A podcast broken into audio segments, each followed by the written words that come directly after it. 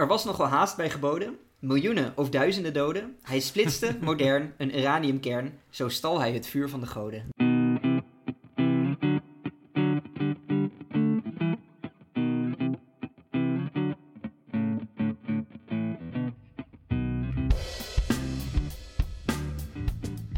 Welkom bij de Voor de Onschuld. Welkom Jamie. Welkom JW. En welkom luisteraar. Hoi hoi. Uh, we gaan het vandaag hebben over Barbenheimer. Ja. Twee films in één. Je Ja. zou kunnen zeggen ons meest ambitieuze project ooit. Ook voor de luisteraars, want die moeten dus twee films al gekeken hebben voordat ze eh hiernaar gaan luisteren. nou, dat, daar moeten we het nog even over hebben. Ja, Want- maar voor we eh, zeg maar beginnen, want we gaan natuurlijk alles Ja, spoilen. Maar laten we het eerst even hebben over, over de twee films eh, zonder de inhoud. Ja. Ehm, dit zijn twee blockbusters die eigenlijk op het eerste gezicht niks met elkaar te maken hebben, maar toch worden ze heel vaak aan elkaar gelinkt. Ja. Dus van, hè, ga je Oppenheimer kijken of ga je Barbie kijken? De meme Barbenheimer gaat over beide kijken, het liefst op één dag, waarbij je dus eerst Barbie kijkt en direct aansluit op Oppenheimer, of andersom. Ja, gaan we het aan het eind van deze podcast even over hebben wat nou de, de beste, beste volgorde is. Ehm, en ja, het zijn toch allebei wel iconische films. Of in ieder geval films over iconen uit de 20e eeuw. Ja, heel belangrijk ja, Dus ja. wat dat betreft, qua stijl kan het bijna niet verder van elkaar afstaan. Ja. Maar qua historische significance is het misschien toch wel weer een beetje hetzelfde. Ja, Nou, tot zover het pretentieuze introductiepraatje. Toch? Of ja nee, het is, het is ook misschien goed om te vermelden dat beide films het heel goed hebben gedaan. Qua, Ja. ja. ja, qua omzet sowieso, maar ook qua eh, recensies.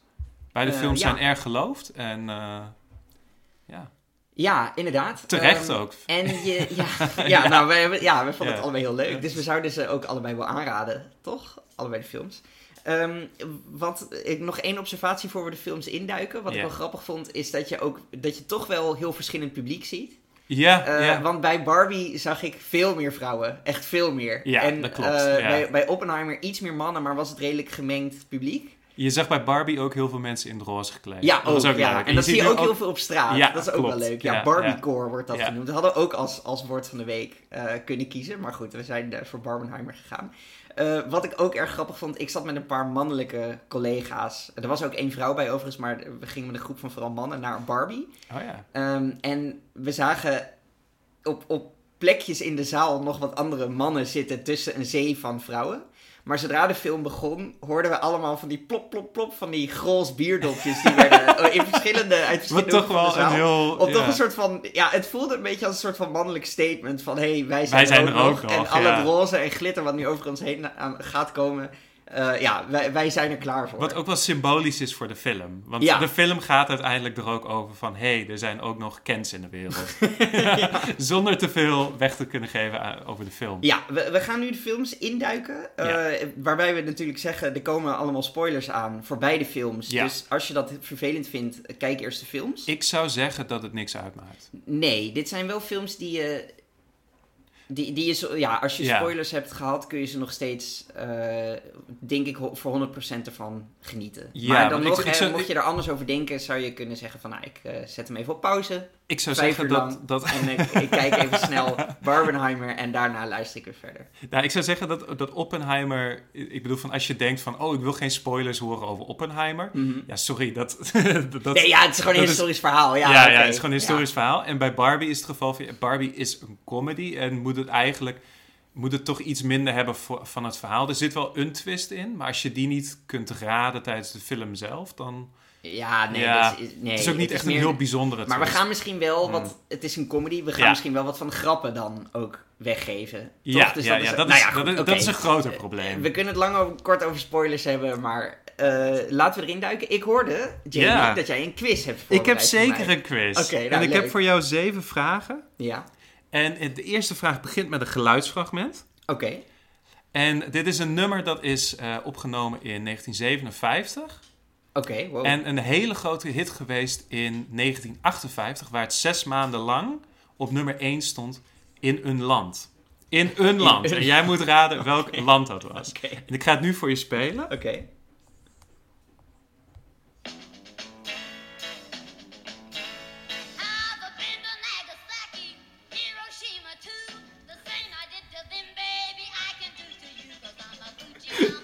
Wauw, oké. Oké, ik heb dit nummer Het nooit gehoord, maar nooit ik hoor... gehoord. Het, Het is, gaat over Hiroshima en Nagasaki. ja, ja, dus het, het begint met... ehm, het is een nummer van Wanda Jackson. Heet Fujiyama Mama.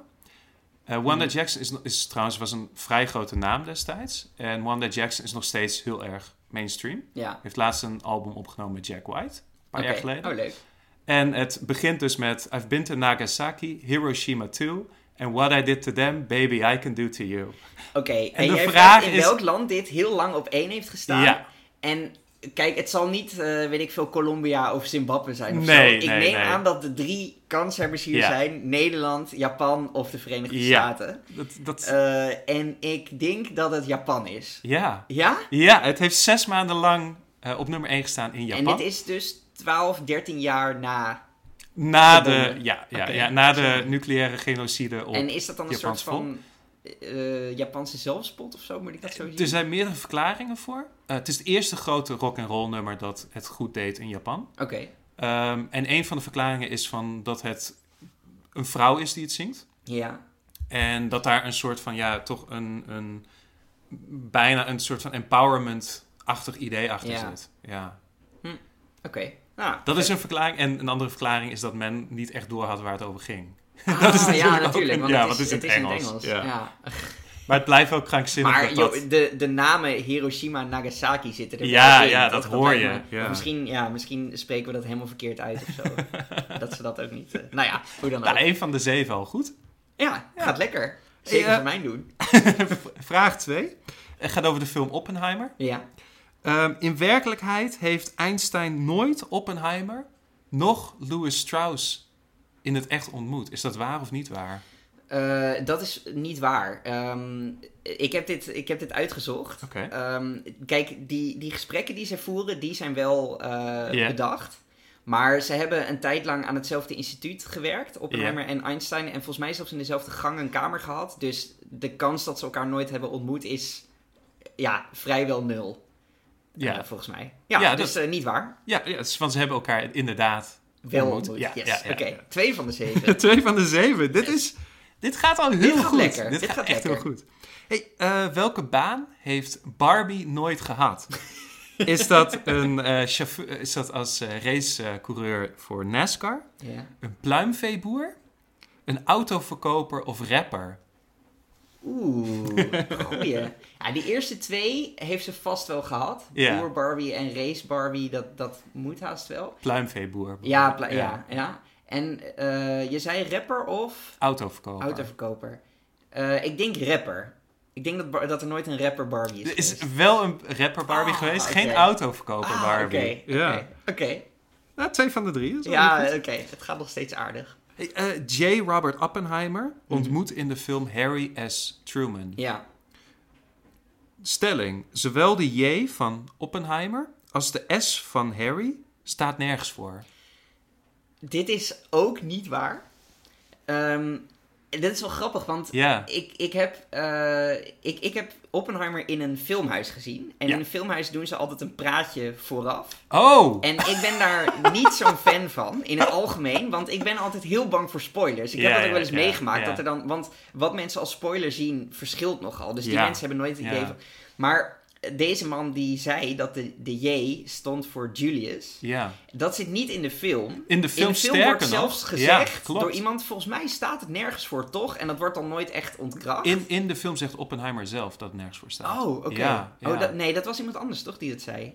Volgens- nou ja, ik dacht hoe dan ook. Dus. Ah, vandaar dat ik, mijn nieuwsgierigheid was gewekt. Ik heb het opgezocht en het, het stond voor Julius. Volgens mij staat de S inderdaad wel nergens voor. Ja, klopt. Eh, want dat was best wel gebruikelijk. En ik vind dat ook best wel cool, wil ik even on record hier zeggen.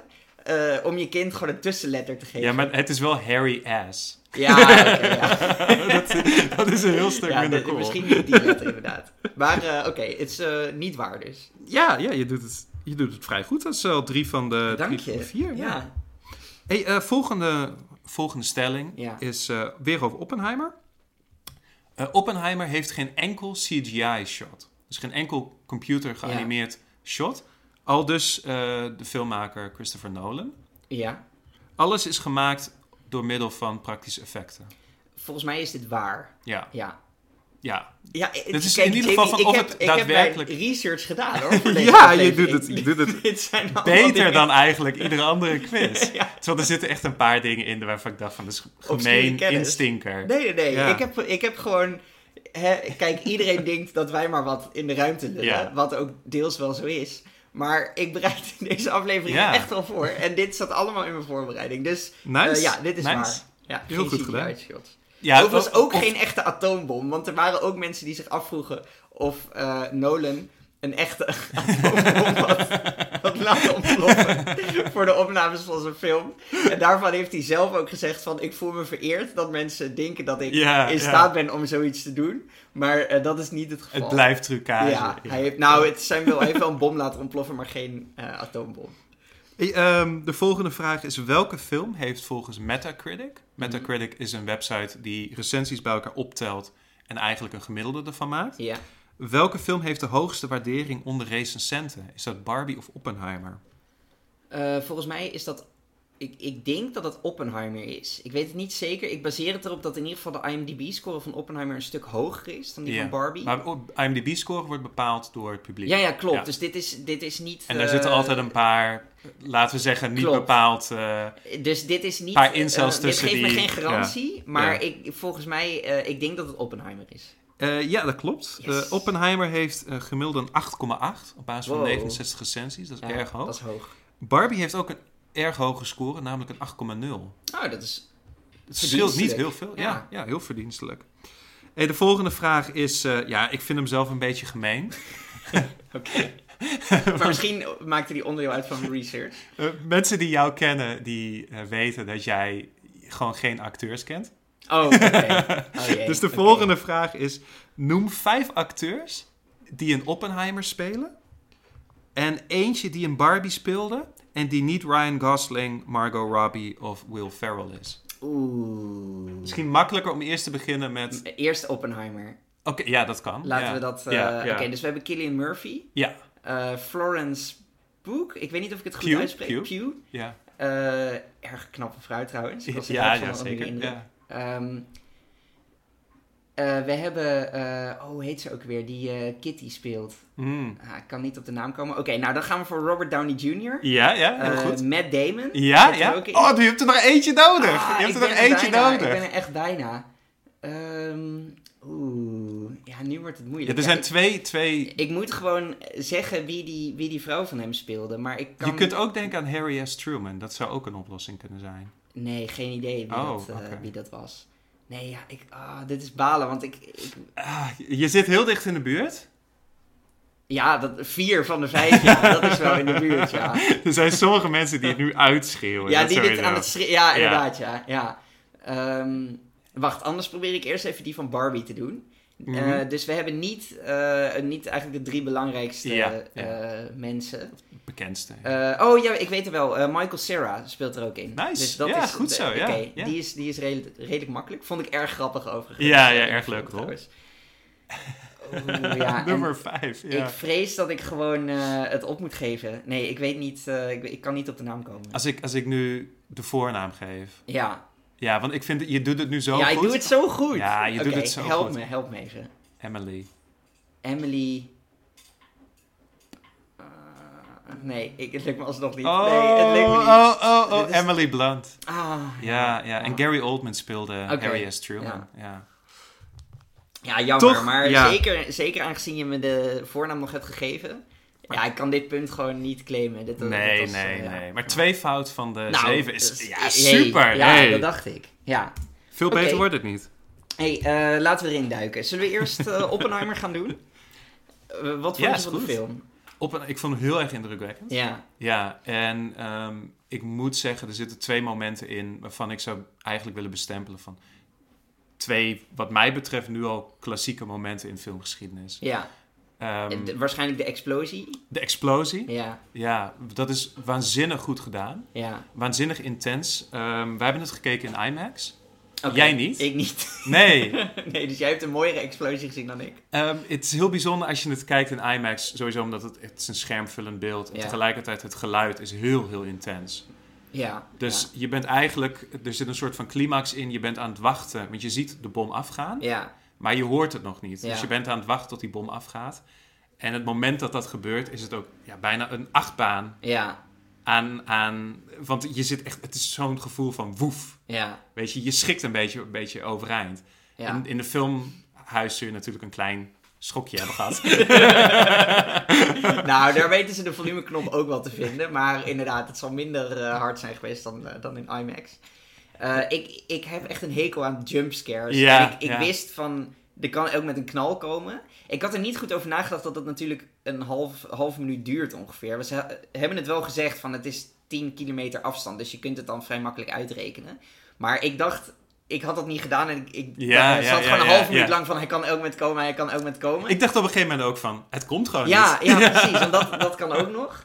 En op een gegeven moment hoor je zo dat citaat van Now I am become death, the destroyer of worlds. En vrij kort. En toen dacht ik al van, ah oké, dan, dan komt hij nu dus. En inderdaad, daarna kwam die. Ja, ik, ik was ook zeer onder de indruk. Ja. Ik vond, eerder in de film maakten ze de vergelijking met eh, Prometheus, die het vuur van de goden stal. Ja, Ehm, de film is ook gebaseerd op een boek, American, American Pro- Prometheus. Prometheus. Wat een betere titel is dan Oppenheimer. Eh, nou, ik vond dat dus eerst een beetje pretentieus. Van, oh oké, het is vergeleken met Prometheus. Ja, maar dan- I Am Become Death, Destroyer of Worlds Ja, is ook. ook Eh, pretentieus. zeker, Ja. maar dus dan, ik zat een beetje in mijn hoofd met, oké, ha, Griekse mythologie Ja. halen we erbij. Maar toen ik dat, dat moment zag, toen voelde dat heel erg, ja, sorry, ik ga nu zelf ook precies dit doen. Maar het, het voelde heel erg raak, die metafoor. Van, we hebben het vuur gestoken, we hebben iets nu als mensen wat we ja. niet horen te hebben. Wat een soort van divine is en wat niet aan ons toebehoort. Ja. En, en zo indrukwekkend was het in beeld gebracht. Dus ik, ja, ik het was voelde wel zo, indruk. inderdaad. Ja. Ik, wat ik ook heel goed vond aan het moment is dat vrij kort daarna hoorde je iemand zeggen: It worked. En dat voelde heel kolderiek bijna in die Ja. film. Je zag ook die mensen een beetje kijken van ja, de. maar het, toch, het, het het, gewerkt, ja. werkt heel goed om het een beetje om je weer met beide benen op de grond te zetten. Van, oh ja, dit was een test en... Ik zou stellen dat die scène, samen met de scène in het auditorium, dat die voor mij alleen Een al... Auditorium? eh, dat is een scène dat hij zeg maar de, de speech geeft nadat ze de bom hebben laten vallen. En je ziet mensen ah, die zijn echt overwinning. Ja, ja, je ziet mensen echt met- super enthousiast. En Ja. dat hij daar een beetje staat van... Hmm, met twijfel in zijn het ogen. niet. En hij ziet dan een soort van een, een nuclear fallout ziet hij dan voor zijn, zijn oog gebeuren. Maar hij geeft nog wel een heel enthousiaste speech. Ja, dus hij speelt wel hij- mee, Hij speelt erg maar. die rol. En tegelijkertijd zie je de twijfel van, in zijn hmm. Ja, ik vond het ook echt een heel sterke scène. Ja, heel goed ja. geacteerd. Overigens ook dat, dat die uitspraak van I wish we could have used it on the Germans. Dat heeft hij volgens mij ook echt gezegd. Ja, ik weet niet helemaal zeker, maar, maar dat, dat is wel iets waarvan je ook... Ja, ja, nou ja, gewoon heel vet in beeld gebracht. Hoe ze dat Erg hebben gedaan, gedaan, met die twijfel. Ja, inderdaad ook heel goede scène. Ja. Ik vond het moment daartussen, tussen die twee scènes, ook heel indrukwekkend dat ze dan die bommen laden op, de, eh, op, op twee soort van vrachtwagens. En Ja. dat die dan zo verdwijnen over zo'n weg, een beetje in de verte. En dat je gewoon weet van, oké, dit zijn soort van ja, duivelsmachines die nu Weg, worden gehaald. gaan. ja, maar. Wij, wij hoeven hier niet naar te kijken. We hoeven hier niet over na te denken. Dit is gewoon, dit gaat nu weg. En dat, dat is het, zeg maar. Ik vond Want- dat ook een heel indrukwekkend moment. Het is ook best een goede keus geweest, denk ik, om niet te tonen hoe de atoombom wordt gedropt op, Ja. op Japan. Ja, want dat, heeft dat- Oppenheimer ook ja, nooit gezien ja, natuurlijk. Ja. Dus dat moment wordt echt helemaal weggehaald. Ja. En het bizarre is dat daarna zie je eigenlijk, je ziet, je ziet eh, de moeite die Oppenheimer heeft met, Mhm. ehm, met ja, die, die creatie die hij heeft gemaakt. Ja. En je ziet eigenlijk de rest om hem heen zien het bagatelliseren. Dus je hebt een scène dat ze, dat ze bespreken waar ze, op welke steden ze het moeten droppen. Dat is ook de enige Ja. komische scène ja, in de hele film. Ja, En dan zegt, heel grappig wat die, wat die gast zei over Kyoto. inderdaad. zegt hij ja, van nee, dat heeft te veel culturele waarde voor Ja. Japan. En ik ben er Ik op ben huwelijksreis ja. geweest. Een lovely city, ja. Heel grappig, ja. En de scène met, ehm, met Harry S. Truman, dat hij hem ontmoet, eh, gespeeld door Gary Oldman. Eh, Ja. Totaal niet herkenbaar bijna. Ehm, en dat Harry S. Truman, die, die maakt hem eigenlijk uite- uiteindelijk uit voor een crybaby. En die Ja. zegt van, ja, waar maak je eigenlijk, ja, waar maak je eigenlijk druk over? Dat is trouwens volgens mij niet helemaal historisch accuraat. Hij heeft hem wel een crybaby Ja, genoemd, ja. maar niet in zijn gezicht. nee, Hij heeft nee. zeg maar, achteraf tegen zijn advisors gezegd van... Don't let that crybaby in here again. Ja, Maar waarschijnlijk heeft Oppenheimer dat niet gehoord. nee. Maar nee. goed, oké. Hij, hij vond het in ieder geval wel. Ja. Maar ik vind dat we nu wel... Ja, we hebben vorige aflevering ging over het trolleyprobleem. ja. En dit is uiteindelijk is dit een soort van ultiem trolleyprobleem. Eh, Oké, ja. Het laten vallen van de atoombom op Hiroshima en Nagasaki. Het, ehm, het is heel waarschijnlijk geweest dat als de VS een invasie had gedaan van Japan, dat er veel meer doden zouden zijn geweest Ja. dan eh, bij het laten vallen van de atoombom. Sowieso bij de VS, maar waarschijnlijk zelfs bij de Japanners ook. Ook ongetwijfeld, zou ja. ja. Ehm, daar is, ik bedoel, van de, de president daarvoor was eh, de, de invasie van Okinawa. Mhm. Uh, daar zag je ook dat een hele grote bereidheid was van, de, uh, uh, van het Japanse leger om eigenlijk tot het einde aan door te vechten. Ja. En ook als dat uh, zelfmoordacties inhield. Dus dat was zo'n ongelooflijk bloedige, bloedige slag. Ja. Dat het waarschijnlijk ook een implicatie was geweest dat als de VS was doorgegaan met een, met een grootschalige invasie. Ja. dat er ja, miljoenen mensen zouden zijn overlijden. Zouden. En, en dan kan je er beter ja. bewust 100.000 doodmaken als, 200.000, Oppen- of twee- ja, ja. als Oppenheimer. Nou, dat is de vraag. Je, Laten we zeggen dat er een 50% Ja. kans is tot van capitulatie voor, eh, voor het Ja, Japanse keizerrijk. ik, ik vind het nog goed dat je dat erbij vermeldt, want ik wilde er net even tegenin gaan, Ja, ook, maar dat doe je nu zelf ook al. Het is niet helemaal duidelijk wat er was gebeurd in die oorlog als die bom niet was, ge- was Ja. gebruikt. En er wordt, dat is ook wel een beetje door Amerika gepusht, dat narratief van die, die Japanners die geven zich Ja. sowieso nooit over. Dus dit was de enige manier. Aan de andere kant zijn er ook wel weer geluiden geweest dat ze eigenlijk al een overgave aan het voorbereiden waren. En dat, dit, dat die bom niet nodig was geweest. Nou, er zijn ook, er zijn ook eh, stellingen die zeggen dat de, de Sovjet-invasie van eh Manchurije, Ja, dat dat al, zeg maar, precies. wellicht, dat dat wellicht ook heel erg heeft meegespeeld met, eh, met Ja, het dus besluit van, de, van de Dus je keizer weet om... het niet echt om- wat, er, wat er anders was gebeurd. Of die invasie dan inderdaad die miljoenen doden had het wordt veroorzaakt. wel door historici gezien als de meest waarschijnlijke verklaring Ja. voor de Japanse keizer om... Ja. om eh, Om tot overgave over te gaan. Ja. En nu moet ik zeggen... nu moet jij zeggen, ik een- laat, een- laat, laten we het op een kans van 50% Ja. houden. Ja, dus het is, het is een Ja. klassiek trolleyprobleem. Ja, maar dan op, enorme schaal. Niet Ja. vermoord je iemand om vijf levens te redden, maar pleeg je genocide om... Ja, Om in een zekere miljoen zin. levens Ja, te redden. ja. Ja, dus duizend of miljoenen. Ja, nee, ik, ik ga hier niet zeggen van ik zou een atoombom gooien. En ik, ja, ik kan deze eigenlijk niet goed, eh, niet goed beantwoorden. Ik- dit Ik- is toch... Is, en ik, ik snap Ja. ook, dat vind ik ook sterk aan de film, dat ze dat morele dilemma er heel erg, heel erg goed in beeld hebben gebracht. en nooit erg- beantwoorden. Eh, Precies, en dat is ook niet goed te beantwoorden. Dus Ja. dat, dat is wel, eh, ja, eh, nog een reden om de film vet te vinden. Dat is ook mijn favoriete eh, ethische dilemma. Nog, eh, nog even subtieletjes, niet altijd subtieletjes, Ik zou- voorkomt. Ik zou juist willen stellen van dat het toch het juiste besluit is Ja, geweest. jij zou hem wel droppen. De bom te hebben laten, Mhm. bommen te hebben laten vallen. Ja. Maar dat is, ja, nu klink ik nogal Ja, genocidaal. ik is zou dat goed. dus juist Ja, niet ja. zeggen als een microfoon onder mijn neus staat. Maar oké, dat, eh, dat is prima. We laten het verder aan, aan de luisteraar om, om persoonlijk... Vond jij de film te lang? Nee, eigenlijk Nee. niet. Zoals je waarschijnlijk van mij weet, ben ik in principe tegen films die Ja. zeg maar meer dan Ik- twee uur zijn. Ik ben het volledig met je eens. Ehm, we kunnen, want dan kunnen we van- verklappen dat Barbie ook eigenlijk iets te lang is? Eh, Alvast? Ja, oké. ja. Ja. dat ben ik het wel. Ik vond Barbie eerder te lang dan Oppenheimer eigenlijk. Daar ben ik het ja. mee Dat eens. is wel Ja, waar. Ja, ja. ja, ja. Ehm, ik had bij Oppenheimer, weet je, toen die bom afging, dan zit je op twee uur of zo Ja. van de drie. En toen dacht ik van, nou, hij mag voor mij nog wel even doorgaan. Ik vind het wel leuk dat er nog een uurtje aan vast zit. Ik Dus, heb- mijn vriendin die vond het wel echt een uur te lang. oké. En tegelijkertijd vind ik dat ook nog wel... Ja, weet je, als, je, als jij het gevoel hebt van... Oké, de climax is al geweest. Ja, En daarna is er nog een uur lange nasleep...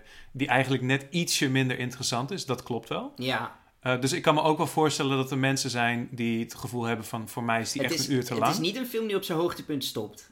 Nee, inderdaad. nee, nee, zeker Maar ik vond niet. wat erna kwam echt nog wel heel sterk. Ja. En ook heel spannend. Ja, Dus ja. goed, goed in scène gebracht. Wel trouwens dat... En, en je kunt ook het verhaal van Oppenheimer niet echt vertellen terwijl je dat hele stuk weg zou laten, zeg maar. Want Nee, het is wel nee, in zijn nee. leven is het eh, ja, gewoon heel erg belangrijk geweest. En wat er daarna nog allemaal gebeurde. Best wel heftige verhalen ook en zo met die Q-clearance. Ja. Ook accuraat trouwens, want ik, heb... Ja, eventjes voor de, voor de luisteraar. ehm, het laatste uur van de film gaat er eigenlijk over of die wel of niet zijn security clearance Ja, kwijtraakt. Want hij heeft eh, communistische sympathieën voor Ja. de oorlog. Ja. En, en ja, dat waren eerst de allies natuurlijk. En nu de schurken. Nu ineens de Ja. vijanden. Dus dan is het, eh, ja, dan wordt dat heel interessant.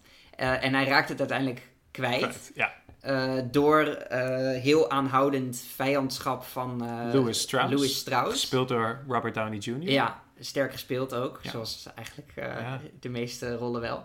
Ehm, dat vind ik sowieso wel interessant om het even over te hebben.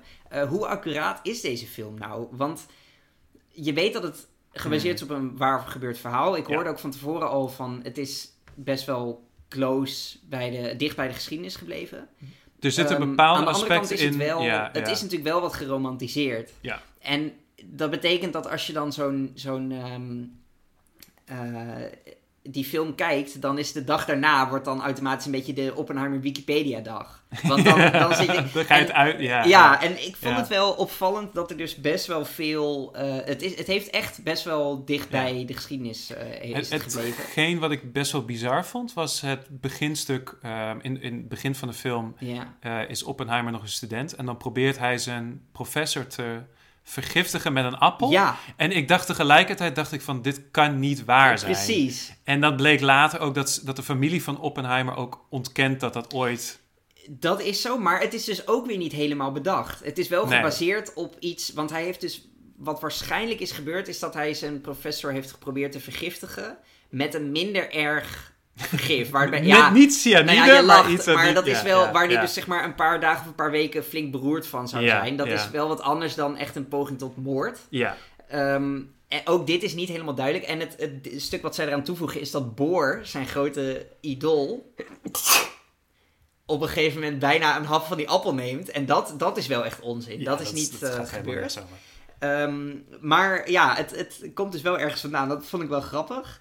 Ehm, ja, verder die Strauss was inderdaad een soort van rivaal. Ik las wel dat die, die wordt in de film echt neergezet als een beetje de evil genius. Hij Ja, ja je, moet, je moet een schurk hebben in de film Precies, en dat is in Ja. het echt is dat niet zo geweest. Waarschijnlijk had hij, zeg maar, was het meer dat hij oprechte zorgen had over die sympathieën. En wel een Hmm. tegenstander van Oppenheimer was, maar niet, niet vanuit die petty, kleinzerige overwegingen die in de film worden, eh, worden eh, vertoond. Ehm, wat ook een leuk detail is om nog even te noemen, die angst voor de, dat de, de hele atmosfeer in brand zou vliegen. Ja. Eh, dat is wel echt ook. zij, zij dachten op dat moment ook van ja, er is een kleine kans dat we. Want het was gewoon echt letterlijk de eerste test met, eh, met een kettingreactie in, in eh, radioactief materiaal. En ze dachten echt van ja, oké, waarschijnlijk gaat dit wel goed.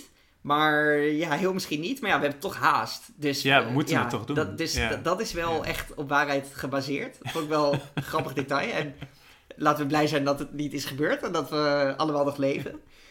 Ehm, en, en wat ik dan wel weer... eh, ja, we noemden het net al even de gesprekken met Einstein. Die zijn wel eh, verzonnen. Hij heeft Ja. waarschijnlijk Einstein wel regelmatig gesproken. Ja, maar de inhoud van is- die gesprekken is, is gewoon door Ik, de ik denk ook, je schrijver, kunt eh, niet zeg maar van... De film eindigt ook met eh, gesprek met Einstein.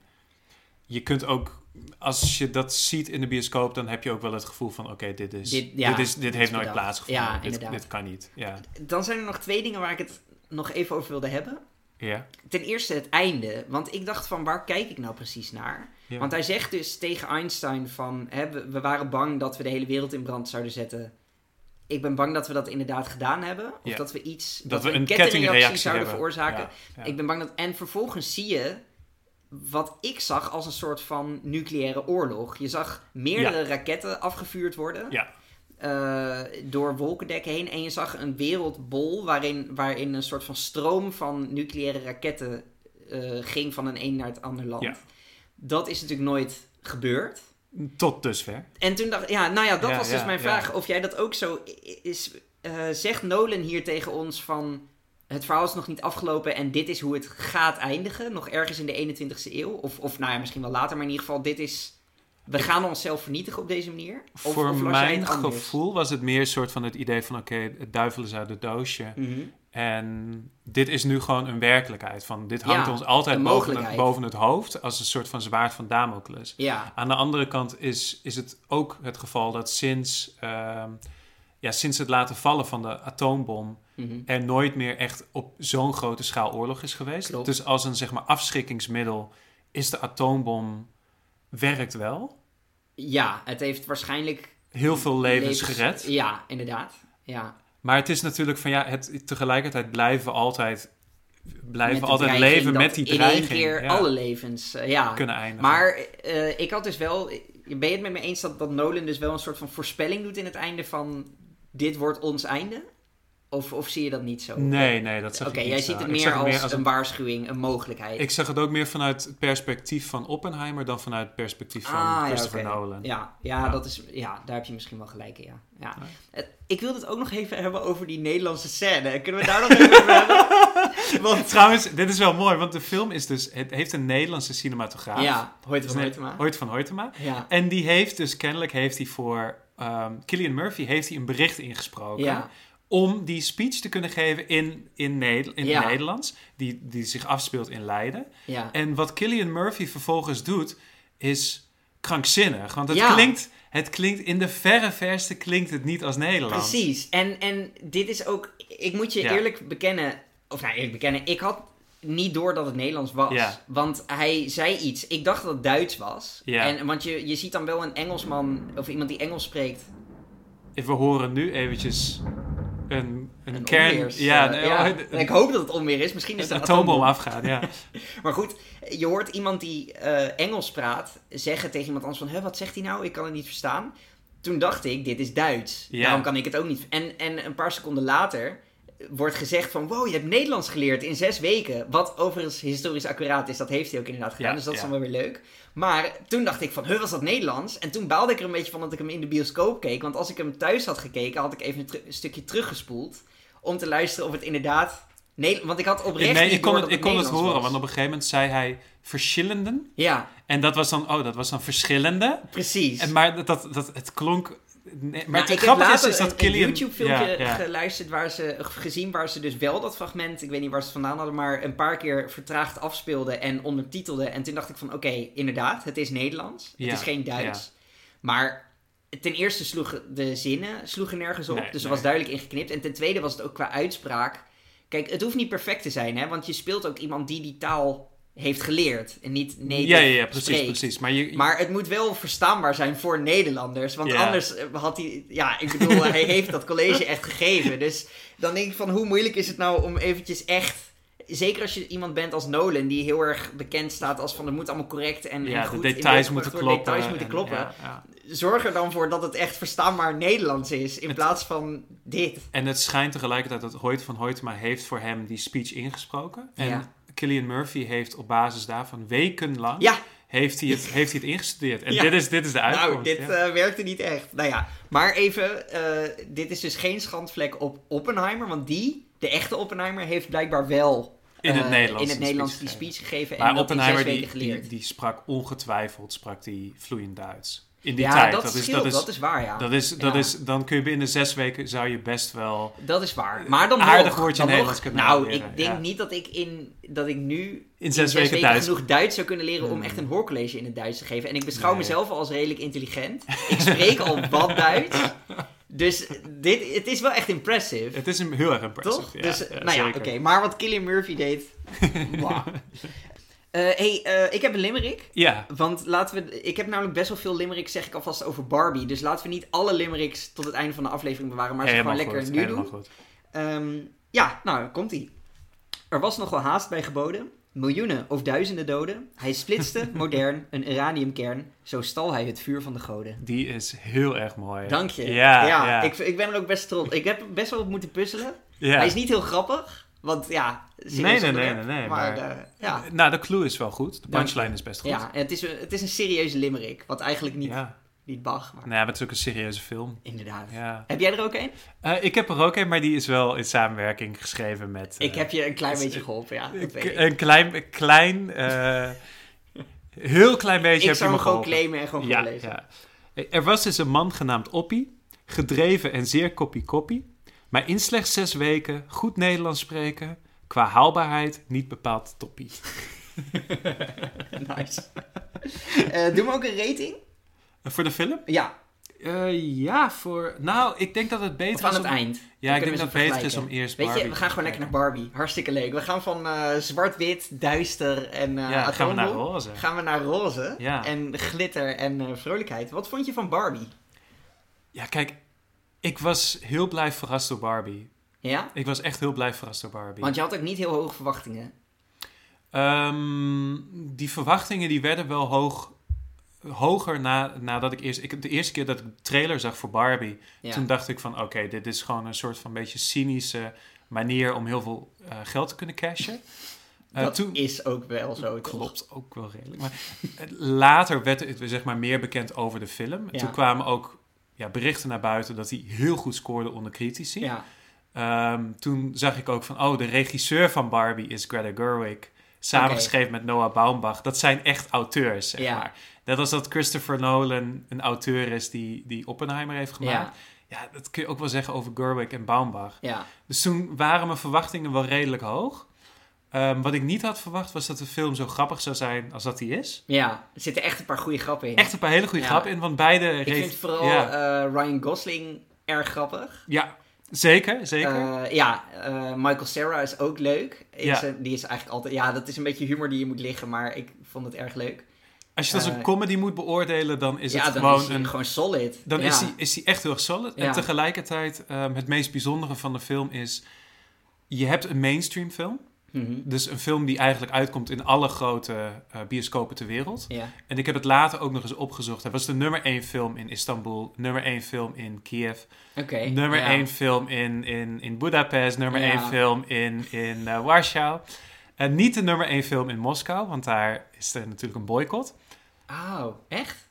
Maar eh, Van, hoezo is daar een... bo- er zijn boycotts voor Amerikaanse films worden er gewoon niet gedraaid. Oké. Oh, oké. Ja. Maar je kijkt de film en je denkt tegelijkertijd denk je van dit is... Ik vond het prachtig zeg maar om te bedenken van dit is een film die eigenlijk echt een sterk feministische boodschap heeft. ja. Eh, meeste Zeer films expliciet ook. zeer expliciet. Meeste films die zo mainstream zijn, die hebben niet zo'n sterke boodschap. Ja. Dat wordt altijd een beetje afgezwakt. Ja. En hier was het gewoon eigenlijk van, nee, ze grepen gewoon naar de kill eigenlijk. Ja. En dat is bijzonder. Mede wetende dat er gewoon in een heleboel heel conservatieve landen wordt deze film gewoon gezien. En is het gewoon de nummer één film. Het is gewoon de meest bezochte film in al die Maar landen. wat was volgens jou dan de boodschap? Ja, het is uiteindelijk is het anti, anti-patriarchaal, zeg maar. Ja. Het, het toont ook een beetje de, ehm, eh, eh, de gevaren van het patriarchaat. Ja. Het, het zegt heel expliciet dat de echte wereld waarin wij leven patriarchaal is. Ja. Dat het door mannen, dat het eigenlijk het tegenovergestelde is van de Barbie-wereld. Mhm. Ehm, tegelijkertijd wordt de Barbie-wereld ook niet goed afgeschilderd. Ja. Ehm, maar dat is toch een ja, vrij bijzondere boodschap voor een film die zo, eh, die zo goed doet, die zo groot is. Wat voor mij de belangrijkste boodschap was... eh, er was op een gegeven moment een monoloog. Die werd volgens mij ook echt in camera gedaan. Maar dat weet Ja, ik niet helemaal zeker. Maar van, van die eh, hoofdrolspeelster uit de echte wereld. Eh, die zei van ja, vrouwen hebben het zwaar. Gespeeld door America Ferrera, eh, Ugly Betty. Eh, ja, ja, Ja, inderdaad. ja, Ehm, ook weer goed gecast. Zoals eigenlijk eh, iedereen heel goed is gecast in deze film.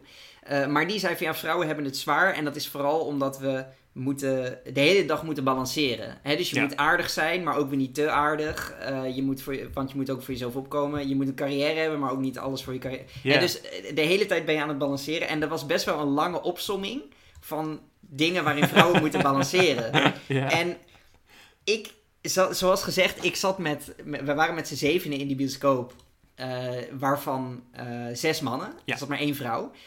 Esmee wilde dus niet met mij mee naar die film. Ja. Daarom ben ik met collega's gegaan. zonde van Esme. nou, ja, dat dat vond is ik ook. zonde. maar oké, eh, schat als je luistert. Het is oké. Ehm, maar ik kreeg al die feministische eh, woorden over me heen. En mijn eerste gedachte was natuurlijk van hoe herkenbaar is dit precies voor vrouwen? Maar er waren dus vrij weinig vrouwen om dat aan te vragen. Ik, ik kon het aan de ene vrouw in ons gezelschap vragen. Ehm, ik heb het een beetje samengevat later voor Esmee. En gezegd, herken je dit? Ik heb het nog aan wat vriendinnen gevraagd Ja. die de film wel hebben gezien. Ik, ik zat naast mijn vriendin en die herkende het wel. Ja, ja. nou ja, ik, ik kreeg dus een beetje wisselende reacties van, van de vrouwen. Want inderdaad, sommigen zeiden van ja, het is wel herkenbaar. Het is sowieso natuurlijk een beetje uitvergroot, maar oké, dat, dat tuurlijk, kan bijna niet anders in een film. Ehm, er waren ook wel eh, vrouwen die zeiden van ja, ik, ik herken het niet echt. Ehm, maar ook vrouwen die zeiden, ja, ik herken het niet alleen. Er zijn ook nog een heleboel andere problemen die ik ook ervaar en die nog niet eens genoemd zijn. Dus ik dacht, oké, dan hadden ze, dan is het misschien zelfs nog een beetje geminimaliseerd, al die problemen. Ja, Dus ja. nou ja, een beetje een mixed bag qua, qua reacties. De reacties van de mannen waren ook wel erg grappig, want daar zag je een beetje hetzelfde in. Dus ik Hmm. vroeg het aan, aan de ene vrouwelijke collega die, die mee was. En toen een van Maar mijn die staat natuurlijk ook onder druk. Want nou er ja, zijn precies. zes andere dus mannen. het is sowieso een beetje flauw. Ja, maar ja. toen zei ook een van mijn mannelijke collega's, die zei van ja, eh, dat hoef je toch niet te vragen. Dit weet toch iedereen, dat het voor vrouwen zo, zo, zo moeilijk dat die dit soort moeilijkheden allemaal ervaren. En, en terwijl een andere collega juist een beetje was van ja, eh, die vrouwen met hun gezeur, zeg maar. Eh, Dus dat ging ook alle kanten op. En ik hoorde ook de mannen om me heen een beetje zuchten en steunen tijdens de boodschap. Terwijl ze naast me zaten in de bioscoopzaal. Dus, eh, nou ja, ik heb tegen die, die ene collega die het allemaal gezeur vond, gezegd van... eh, We hadden vroeger een, een, een dominee. En die zei van, als je vraagt om een korte preek, dan heb je een lange nodig. En mensen die vragen om een lange preek, die hebben juist een korte nodig. Ja. Is er ooit iemand geweest die vraagt om een lange preek? Wat is dit? Wat is dat voor? Nee, maar goed. Eh, dus, dus dat... Ja, het- wat ik wil zeggen, ik merkte dus zowel bij de vrouw als bij de man een heel verschillende reactie Mm. op, op die speech. Maar ik vond het zelf wel, wel interessant in ieder geval. Nou, ik heb, ik heb ook tijdens die speech, maar ook op andere momenten in de film, dat ik eventjes mijn vriendin aankeek en zij, zij op hetzelfde moment mij ook, met het Ja. idee van dat dit, zeg maar, gezegd kan worden in een mainstream film. Dat voelde wel als iets bijzonders, zeg Mm. maar. Dat voelde wel alsof dat je het gevoel had van, oh, dit voelt wel als iets dat zo tegen de mainstream ingaat, Ja. wat je zou verwachten van een film. Ja, Dat was, ik weet niet, dat voelde, dat had wel iets bijzonders eigenlijk. ja. En van ja, ongetwijfeld niet iedere vrouw zou zich kunnen herkennen in, in ieder geval in- niet letterlijk, in maar... die speech. Maar ja, ik bedoel van misschien is dat ook het punt niet. Wat ik trouwens ook nog wel grappig vond, is dat je had dus eerst die speech. Ja. En daarna werd er, werden er nog weer een, werden er een paar Barbies eh geturnd of zo, of bevrijd, hoe noemden ze het? Maar die zaten in ieder geval in een soort van patriarchaal idee vast. En die moesten met diezelfde speech daar weer uit los eh, ge- gewekt ja. worden. Ja. En toen werden er weer, ik dacht dan gaan ze gewoon stukken van die speech weer herhalen. Maar dat was niet zo. Ze deden nog weer andere dingen. Ja, ja, Die ja. ook eh balanceeract zijn voor vrouwen. Dus het was nog niet... Het, om, dus heel erg was nog niet duidelijk eens te maken klaar. van, dit is nog niet eens alles. Dat vond ik ook wel leuk gedaan. Ja, het, het- ik zou. ehm, ik, was, ik was tegelijkertijd. We moeten ook, misschien is het goed als we een klein beetje over het verhaal beginnen. Ja, Door te zeggen dat het verhaal gaat eigenlijk alle kanten op. ja. En het is geen één keer is er een soort van een interne logica die klopt. Want de Barbie-wereld is soort van verbonden aan de echte wereld. Ja, Dat is ook de reden dat eh, Barbie naar de echte wereld gaat. Zij heeft namelijk een eigenaar die eh, heel eh, depressief is. En als gevolg daarvan heeft Barbie nu ook te maken met echte kwalen die mensen in het echt ook Ja. hebben. Dus zo denkt ze na over de dood en ze krijgt cellulitis. ja, En dat is natuurlijk het laatste is helemaal verschrikkelijk voor een Barbie. ja, En dat is de reden dat ze de echte wereld in- ingaat. ja, Hoe die verbindenis bestaat, dat weet niemand. ja, Eh, tegelijkertijd van de Barbie-wereld is een soort van bizar persiflage op de echte wereld. ja. De echte wereld is heel grauw. En tegelijkertijd heb je het Mattel-hoofdkwartier, ja. waar, waar ook alles bizar is. Nou ja, dat vond dus ik dus heel de erg vraag grappig, is heel want- erg van, van wat zijn nou de regels Ja. van, deze, van deze wereld? En er zijn gewoon geen regels, lijkt het. Nou, ik vond het wel heel erg grappig dat dus het Mattel hoofdkwartier een soort... Ja. Voor mij voelde het een beetje als een soort van tussen, Tussenwereld. tussenwereld. Mm. Ja, want het was wel natuurlijk onderdeel van de echte wereld. Maar het was heel wacky. Het was bijna een beetje alsof je een tekenfilm zat te kijken. Met mensen die, die door ruimtes heen eh, vlogen. En, en gewoon heel... Dus voor mij was, was het een beetje van... Oké, dit, dit zit er een soort van tussenin. Ik, En- ik had meer het gevoel dat de filmmakers daarnaar keken en dat ze dachten van... Weet je, als het maar grappig is, Fuck it, gewoon. dan, dan kan het. Ja. En dat, heb, dat gevoel heb ik heel vaak gehad bij de Barbie-film. Ja. En dat is het eigenlijk ook wel ten goede gekomen. Een beetje Monty Python-achtig eigenlijk. Ja, van dat ze toch zeg maar besloten van, vrouwen erin. van... We kunnen serieus zijn op momenten dat het nodig is. Mhm. En tegelijkertijd... ehm, eh, tegelijkertijd moeten we eigenlijk wel gewoon iedere keer de grap opzoeken. Ja, Want dat is wel de kern van de film. En dat is ook voor mij de reden dat de film een half uur te lang voelt. oké. Omdat op het eind van de film heb je eigenlijk een vrij lang einde. Ja. Ehm, en je hebt eigenlijk einde op einde. Je hebt een beetje het Lord of the. Rings syndroom. Ja, precies, ja. ja. Terwijl dat bij Oppenheimer veel minder was. Ja, Daar werd ja, echt nog ja, een nieuw verhaal, een, een nieuwe Verteld, in verhaallijn aangesneden. Ja. Die ook weer een eigen conclusie had. En hier voelde het meer van, oh, we moeten een, een groots Ja, einde bedenken. oma terwijl nog tegelijkertijd... langs, die maker en zo. En toen Ja, ging ze nog naar de echte wereld en zo. Ja, precies. Die oma trouwens, Ruth Handler, die, wordt, die komt, de maker van Barbie, die komt er ook echt in voor. Ruth. Ruth Handler was trouwens een, een die deed ook aan belastingfraude. Die is daarvoor veroordeeld. Dat was, eh, Volgens mij helemaal niet zo'n heel prettige vrouw. Het is gewoon een hele inhalige zakenvrouw. Oké. Maar ehm, Nou, ik, ik vond wel dat Mattel wat dat betreft goed zelfspot laat zien Ja, in deze ja. film. Waarbij Barbie aan het begin denkt van... Ik ben echt een soort feministisch icoon. Want ja, eh, ik laat zien... Je hebt astronaut Barbie, president ik- Barbie. ik help alle worden. vrouwen in, het echte, in de echte wereld. En, en zodra ze Ja. de, wereld, de echte wereld inkomt, wordt ze echt binnen een minuut of zo... eh, Ja, knapt dat hele beeld en- uit elkaar. ja. Omdat dus een kind tegen haar zegt van... Nee, eh, jij bent juist heel slecht voor vrouwen. Want je Ah, ze- creëert een schoonheidsideaal waaraan, waaraan wij niet kunnen voldoen. Ze noemt haar zelfs een fascist Ja, uiteindelijk. ja, inderdaad. Zoals je mij ook regelmatig een fascist En, noemt. en Mattel neemt zichzelf al helemaal op de hak door eigenlijk een, een, ja, een, een eh, eh, board of directors te laten zien. Waar Ja. alleen mannen zijn. Het Ja. zijn alleen mannen. Ja, inderdaad, ja. De CEO, gespeeld door Will Ferrell, is ook leuk, een man. trouwens. Ja. En die met nul zelfbesef.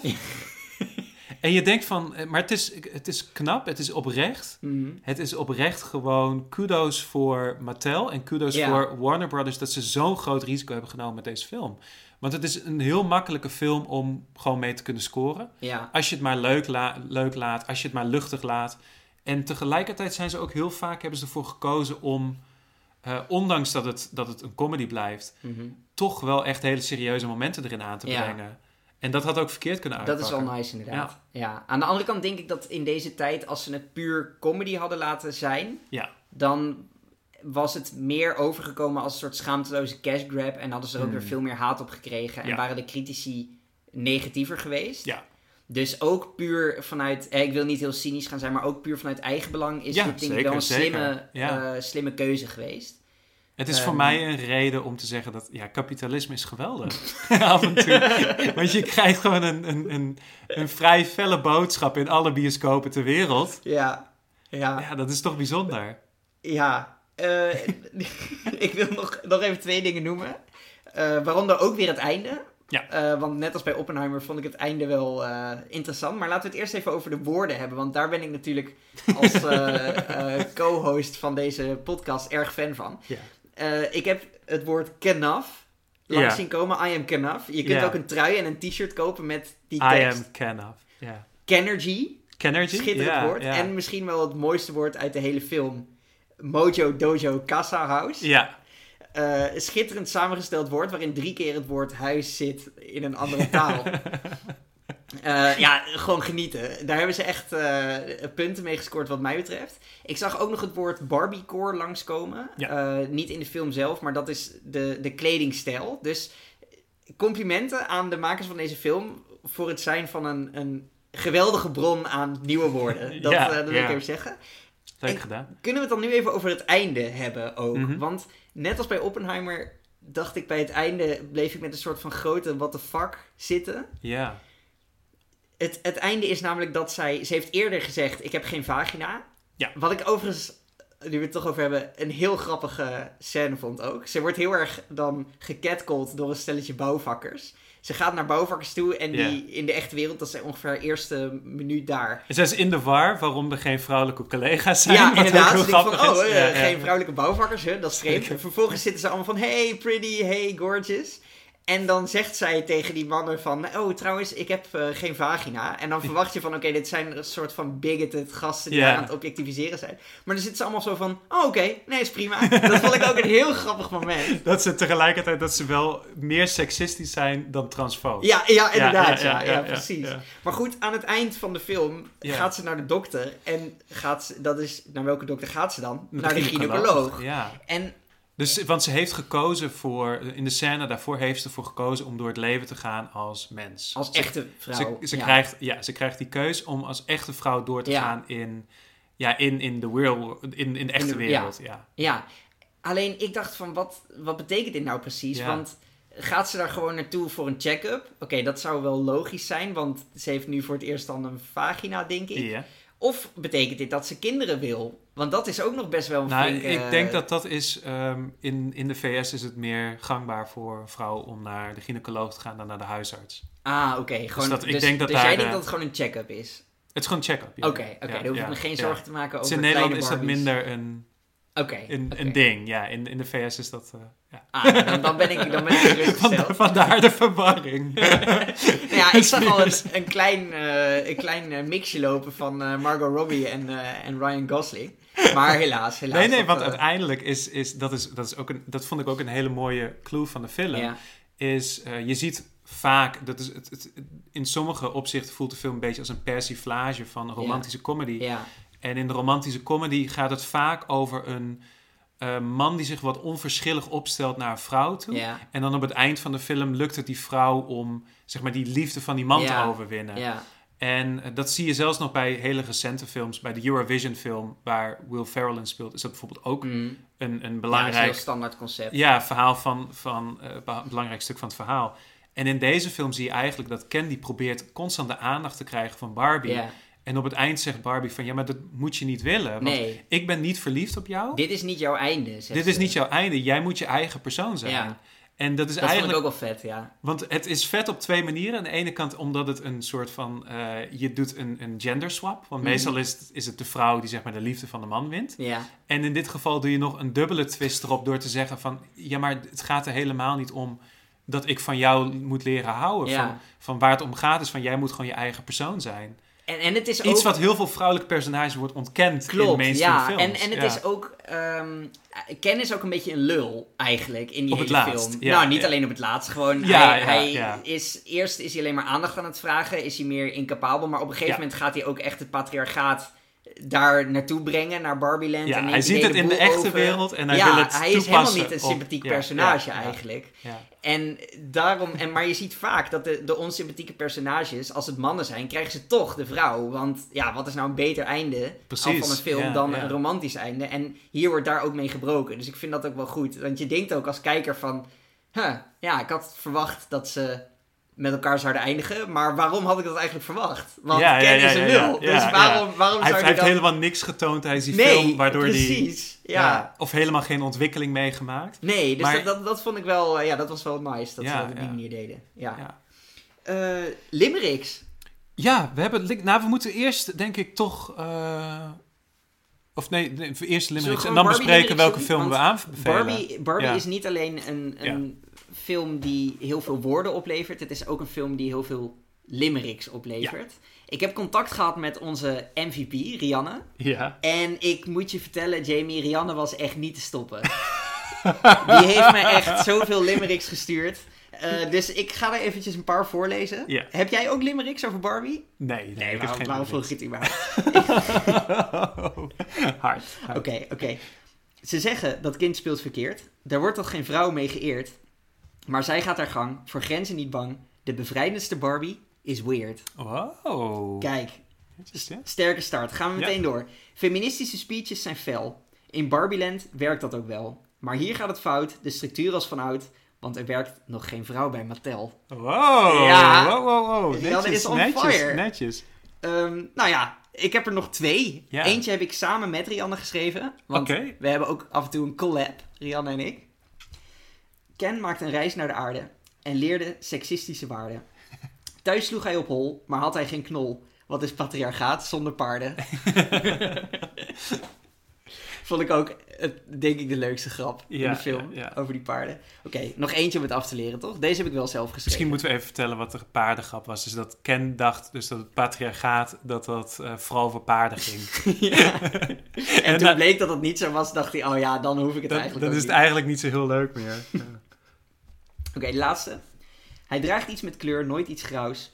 Is stijlvol, van hoofdband tot kous. Zijn haar wordt nooit dof, want hij is kanaf. In zijn Mojo Dojo Casa House.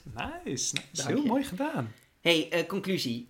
Welke film moeten mensen gaan kijken? Ja. Nou, eigenlijk allebei. Toch? Nou, maar als je er één als moet je er één kiezen, moet kiezen. ja. Dat zijn denk ik... Is even één vraag die we moeten beantwoorden. En als je ze allebei kijkt, wat is dan de juiste volgorde? Laten we beginnen met... Hmm. Welke film was het best? Nou, voor, voor mij is dat, zijn dat twee verschillende eh, vragen. Als Ja. je vraagt van welke film is de beste en welke film moeten mensen kijken. Ehm, want dit gaat, dit gaat je misschien verrassen. Maar als het erom gaat van je kan er maar één zien in de bioscoop, Ja. dan zou ik zeggen ga voor Barbie. Oké. En dat, dat, verrast me inderdaad, ja. Ja. Want je was net nog helemaal van... Ja, je moet... Die explosie moet je echt in IMAX zien en Ja. zo. het, de reden daarvoor is ehm, dat ik het gevoel heb dat Barbie had je tien jaar geleden niet kunnen maken. Ja. En Oppenheimer wel. Oppenheimer wel. Ja. Dus Barbie voelde voor mij meer als een soort van ehm, ja, schuiving eigenlijk in cultuur. Van Ja. dat dit nu geaccepteerd wordt als een mainstream film. Ja. En bij Oppenheimer had ik het gevoel van dat blijft heel erg een mannelijk verhaal. Het vrouwelijk perspectief doet er eigenlijk helemaal niet toe. Nee, dat, Nee, nee, dat, dat hebben we een- nog niet benoemd. Dat maar dat is niet- eigenlijk dat wel... is best wel erg. Dat is niet alleen met, Ja. eh, met Oppenheimer, maar eigenlijk met alle Nolan-films. Ja. Ik, ehm, ik sprak ja, Rianne, Ja, we hebben het toch al veel over. de- En die zei van ja, ik, ik weet het niet met die Nolan. Die schrijft nooit interessante vrouwelijke personages. Ja, En toen ja de dacht vrouwelijke van, personages in Oppenheimer zijn gewoon gek. Nee, ja, inderdaad. En toen dacht ik, ja, dat klopt. En tot mijn schaamte was het mij ook nooit opgevallen. Wat eigenlijk best wel erg is. Maar goed, ja. En, en deze film is geen uitzondering. Dus weer alleen het mannelijk perspectief. weer alleen ja. mannelijk perspectief. Dus twintig jaar geleden had je Oppenheimer waarschijnlijk niet kunnen maken... omdat iedereen toen waanzinnig patriotistisch was eh, vanwege de Irak-oorlog. Ja, Maar Oppenheimer voelt wel zeg maar meer als een, ja, als een klassieke film... die eh, in meerdere tijdsperioden past. ja, En bij Barbie heb ik meer het gevoel van... oké, dit voelt voor mij wel zeg maar als het begin van... bijna gewoon het begin van een nieuw tijdperk... of een soort van Ja. conclusie voor wat we de afgelopen jaren hebben meegemaakt... als het gaat over diversiteit en als het gaat over eh, progressieve waarden in films. oké. Grote dat woorden, maar er zit wel ik- in, denk ik. Ja, dat, dat vond ik het bijzondere van Barbie. Dus ik zou zeggen van ja, als je toch moet kiezen, ga dan Barbie kijken. En Barbie is, eh, kijkt ook iets makkelijker weg, Eh, denk ik. Ondanks dat hij iets te lang is. Ja. Eh, Dat, dat laatste weet ik niet. Ja, Eh, want ik vond het ook wel heftig. Ja. Zeker het eerste kwartier, wat echt gewoon puur roze glitter, zang en dans was. Toen dacht ik wel van, oké, dit kijkt niet echt makkelijk weg. ja, Eh, ja, eh, zeg maar, dan kijk ik liever naar een, een duistere, zwart-witte explosie, zeg Ja, maar. ja. Ook al is dat misschien... eh, maar het, ja, ja, het is... eh, ja, ik, ik begrijp wel wat je bedoelt. Want Oppenheimer is een verhaal wat... Ja, dat is er gewoon al natuurlijk, want het is een historisch verhaal. Eh, en het is heel goed verteld. Ja, maar het is niet iets waarvan, verteld, ja. eh, maar het is niet iets waarvan je over 30 jaar nog zegt van dat was een keerpunt of zo. ja. Bij Barbie zou dat nog kunnen, dat, dat, dat het wel zo zou zijn. Dus wat zou jouw aanbeveling zijn om in de bioscoop te zien? Ik zou ten eerste aanbevelen om ze allebei in de bioscoop te zien. Ja, maar als het je, mogelijk is. Ja. als je toch moet kiezen, ehm, ik denk toch dat ik voor Oppenheimer zou gaan. Omdat ik wel, ehm, ja, eigenlijk wat je zegt, het, het gaat bij Oppenheimer ook over hoe indrukwekkend het is, Mhm. over hoe groot en hoe heftig. Eh, en dat komt denk ik wel het beste tot z'n recht in de bioscoop. Ja. Ehm, het beste eigenlijk ook, ehm, het is geschoten in IMAX. Ja, Dus als je de kans hebt om het in een IMAX-zaal te zien, ja. dan is dat ook een hele grote aanrader, zou ik zeggen. Dat, dat neem ik van je aan. Eh, bij Barbie vind ik het wel heel leuk dat je met z'n allen wat rozes aandoet. De veel bioscopen hebben ook een paar roze ballonnen opgehangen. Dus dat maakt het wel meer een, een soort van eh, event. Ja. Maar dat zou je ook nog wel mee kunnen pakken door naar Oppenheimer te gaan. En even langs de Barbie-zaal te lopen en daar alle mensen te zien in het roze. En dat Dus, op te pikken. Ja, dat zou, ik dan, dat zou ik dan doen, denk ik. Ja. En nu de tweede vraag is dan eigenlijk van ja, welke film vond je beter? Eh, ja, ik denk dat nou, ik het weet. Ja. nee, ik, ik ga niet. Dit voelt een beetje als Sophie's Choice kiezen tussen mijn kinderen. Ik, ik denk dat een belangrijke vraag voor ons is. Stel, onze luisteraars willen ze wel allebei bekijken. Hmm. Welke kijken ze dan eerst? Ehm, ik las een stuk in The Guardian. Dat was een, was een column van iemand die schreef van... ja, als je dan toch Barbenheimer doet... moet je niet eerst beginnen met Oppenheimer. Oké. Want dat heb ik gedaan. En ik was na die film was ik zo depressief en zo aangeslagen... dat ik Barbie helemaal niet kon waarderen. Dat had die persoon Oké. geschreven. Toen dacht ik bij mezelf... wat is dit voor een krankzinnig persoon? Ja, Zeg maar van, dat is te, ik bedoel van, Oppenheimer was een zware film, maar het was ook, ik bedoel van, het, het, het wierp interessante vragen op, maar het was helemaal, voelde voor mij niet ik vond het zo niet heavy. heel zwaar. Nee. nee, nee. Nee. Ehm, ik zou wel zeggen van ja, Barbie is de film waar je eigenlijk iets meer naar uitkijkt. Had ik Ja. wel een beetje het gevoel. Ik wel. Ja, ik ook. Esmee niet. Esmee niet. Ehm, ik zou zeggen van ja, be- bewaar Barbie eigenlijk voor, als, voor tweede film. Voor de tweede film. Doe Ja. eerst Oppenheimer en dan Barbie. Wel Ja. even een uurtje ertussen, zou ik zeggen. Ja, Misschien niet- niet twee. direct na Ga elkaar. even rustig lunchen tussendoor of avondeten. Ja, er zat bij ons ook geen pauze tussen eh, In de pauze film. in Oppenheimer ja, dat is of in Barbie. heftig. Ja. Ja. dat had ik ook. Ja. Oké, dus nou, conclusie. eh, bekijk Barbenheimer op dezelfde dag. Ja, ja, Eh, uurtje ertussen, maar eerst Oppenheimer en dan Barbie. ja. Veel kijkplezier, eh, beste luisteraar. en dankjewel voor het luisteren. Tot snel. Ja, tot gauw.